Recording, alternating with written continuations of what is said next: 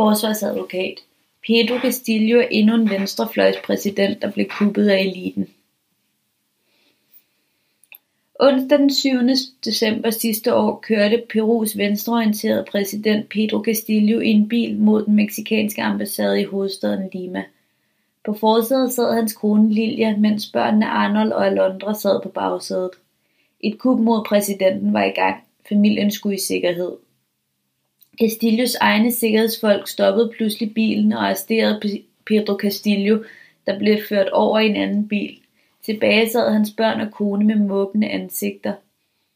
Ifølge Pedro Castillos egen forsvarsadvokat Guido Cruzado er denne hændelse blot en af mange historier om kup i Latinamerika, der er foregået de seneste årtier. Her er folkevældet præsidenter blevet afsat ved enten militære eller parlamentariske kup, som det er sket i Brasilien, Paraguay, Ecuador, Bolivia og Honduras inden for ganske kort tid. Guido Cruzado var i et par dage i Danmark i midten af maj og deltog i en konference på Københavns Universitet om retsstat og menneskerettigheder i Peru. Han fik også tid til en kort samtale med arbejderen på en café ved Christiansborg. Forsvarsadvokaten er dybt foruroliget over, hvordan kuppet mod den folkevalgte Pedro Castillo gik for sig.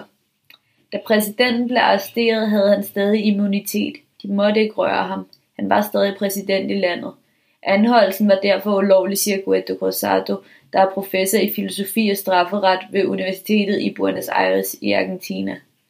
Først efter at præsidenten var ført til en politistation, besluttede 101 af parlamentets medlemmer at afsætte ham. Ifølge forfatningen krævede det dog 104 stemmer. Det er den første ulovlighed, der bliver begået, bemærker advokaten tørt. Pedro Castillo vandt præsidentvalget i 2021 som kandidat for det socialistiske parti Peru Libre, der fik opbakning fra landets arbejderklasse, bønder og oprindelige folk. Valget var dog et tæt et af slagsen, da kun øh, 44.000 stemmer skilte Castillo fra højrefløjens kandidat Keiko Fujimori. Castillo stillede op på en venstreorienteret platform, der lovede et mere retfærdigt økonomisk system, men han har ikke fået lov til at gennemføre valgløfterne om en ny forfatning eller andre progressive reformer, da Castillo konstant er blevet modarbejdet i kongressen. Pedro Castillo er dybt upopulær blandt Perus elite. I de 17 måneder Castillo var præsident, var han en skydeskive for højrefløjens medlemmer af kongressen, der gentagende gange forsøgte at vælte ham af posten, hvilket gjorde det vanskeligt for Castillo at indføre sine løfter fra valgkampen. Højrefløjens ønske om at vælte Pedro Castillo kom som bekendt til et punkt, hvor han på trods af sin immunitet som præsident blev arresteret og senere afsat af parlamentet. Anklagen mod Castillo lyder på oprør, men han kørte blot i en bil med sin familie. Lav oprør betyder oftest at beslutte at anvende våben, men Castillo havde ikke givet militæret ordre til at anvende våben, og han havde ikke beordret nogen til at begå statskup, siger forsvarsadvokaten Guido Rosado til arbejderen. Anklagerne mod Castillo falder, falmer. De har selv opfundet dem. Blandt andet et nyt begreb, de kalder næsten på færre skærning, fortsætter han. Men det er totalt ulovligt at anklage en person for sådan noget, fastslår Guido Rosado.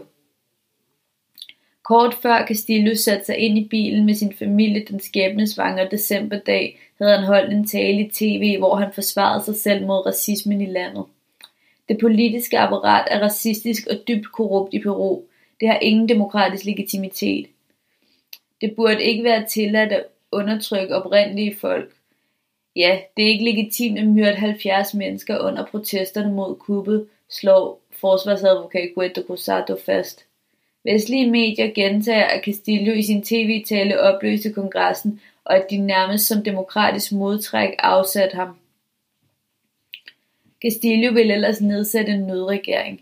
Ifølge Al Jazeera har Castillo siddet varetægtsfængslet siden den 7. december på tærslen til den tredje rigsretssag mod ham. Castillo var den første præsident, som repræsenterede bønderne i landet. Der er voldsom undertrykkende racisme mod den oprindelige befolkning, ligesom der har været i årtier i nabolandet Bolivia. Her udmyndede racismen sig også i et kup i 2019 mod præsident Evo Morales, der er fra det oprindelige folk på Guedo Rosado. Heller ikke i Peru ønskede eliten en præsident, som repræsenterede den oprindelige befolkning. I nabolandet mod øst Brasilien kuppede eliten ligeledes præsident Lula, der var metalarbejder, fortsætter forsvarsadvokaten. Netop parallellerne til resten af Latinamerika ligger Guido Cusado meget på sinde. Kuppet mod Castillo ligner meget kuppet mod Manuel Zelaya i Honduras i 2009. Denne præsident, der fulgte en lidt for venstreorienteret politik for landets rige elite, blev arresteret om natten, kun iført sin pyjamas og ført til en ventende militær helikopter. Landets højesteret havde krævet ham afsat. Zelaya, den kidnappede præsident, blev af honduransk militær ført til USA's militærbase i landet, og derefter i et amerikansk militærfly fløjet ud af Honduras. Kuppet mod Castillo i Peru sidste år lignede meget det, der skete i Honduras, men i modsætning til de fleste kup de seneste årtier i Latinamerika, sker det ikke med militærets magt og jeeps i gaderne, men på en anden måde, nemlig gennem parlamentariske kup, der er mere raffineret, mener Guido Corsato. Ifølge forsvarsadvokaten er der markante ligheder mellem de kup, der er blevet begået mod venstrefløjspræsidenter i lande som Brasilien, Bolivia, Honduras og Peru. Kuppene er foregået i samarbejde mellem retssystemet og parlamenterne, forklarer han. I marts i år forlængede Perus retssystem varetægtsfængsling af Castillo med 36 måneder. Efter kuppet mod Pedro Castillo i Peru strømmede 10.000 ud i gaderne og oprettede vejblokader og marcherede mod hovedstaden Lima.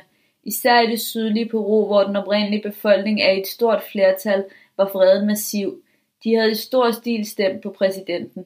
Men de blev mødt med skarpe skud, tåregas og gummikugler af militæret, der var lojale mod Kuba-regeringen. Den nye regering kom på plads med den tidligere vicepræsident Dina Boluarte som præsident. Mindst 70 mennesker er blevet dræbt under protesterne mod kuppet. Det, der sker i Peru, er skandaløst. Ikke alene drabene på de 70 og den ulovlige fængsling af Castillo, men også den manglende ret til retfærdig rettergang og retten til en forsvar, mener Guetta Cruzado. Han beretter om voldsomme brud på menneskerettighederne, som både Amnesty International og Human Rights Watch og den interamerikanske menneskerettighedskommission har dokumenteret fyldigt. I forrige uge døde øh, den 22-årige Rosalino Flores skudt med 36 gummikugler af politiet i Lima under en protest, rapporterer tv-stationen Telesur. Han lå i to måneder på hospitalet med store smerter. Guaido Rosado mener, at udenlandske politiske ledere har en forpligtelse til at ytre sig om situationen. Andre lande må ikke være tavse i denne sag. De må ikke blive medskyldige i, hvad der sker. Man er forpligtet til at udtale sig. Hvis det, der sker i Peru, var sket i andre lande, vil alle hæve stemmen. Alle aviser og tv-stationer vil flyde over med rapporter om vold, og politikere vil kræve demokrati og nyvalg, vurderer Guaido Rosado. Da pressefriheden kommer på tale, retter han sig frem over cafébordet. Der er ingen pressefrihed i Peru. Heller ikke, hvis man udtaler sig kritisk mod kubregeringen. Da jeg var i Spanien og gav interview til landets største dagblad El País, klagede Perus ambassade til redaktionen, siger Guido Rosado.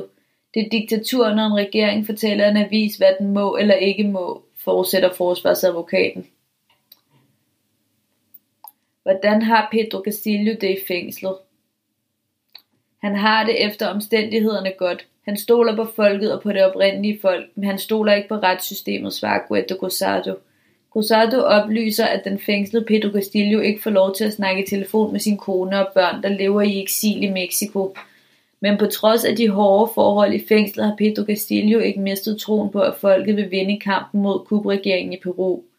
Pedro Castillo er optaget og er optaget om, at retfærdigheden vil sejre til sidst, slutter Guedo Rosado. Du har lyttet til en artikel fra Arbejderen. Abonner på vores podcast på iTunes, eller hvor du ellers hører din podcast. Du kan også klikke ind på arbejderen.dk for meget mere journalistisk indhold.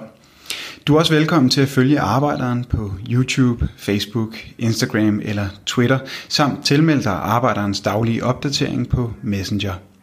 Vil du i kontakt med redaktionen, kan det ske ved at sende en mail til redaktion arbejderen.dk. Tak fordi du lyttede med.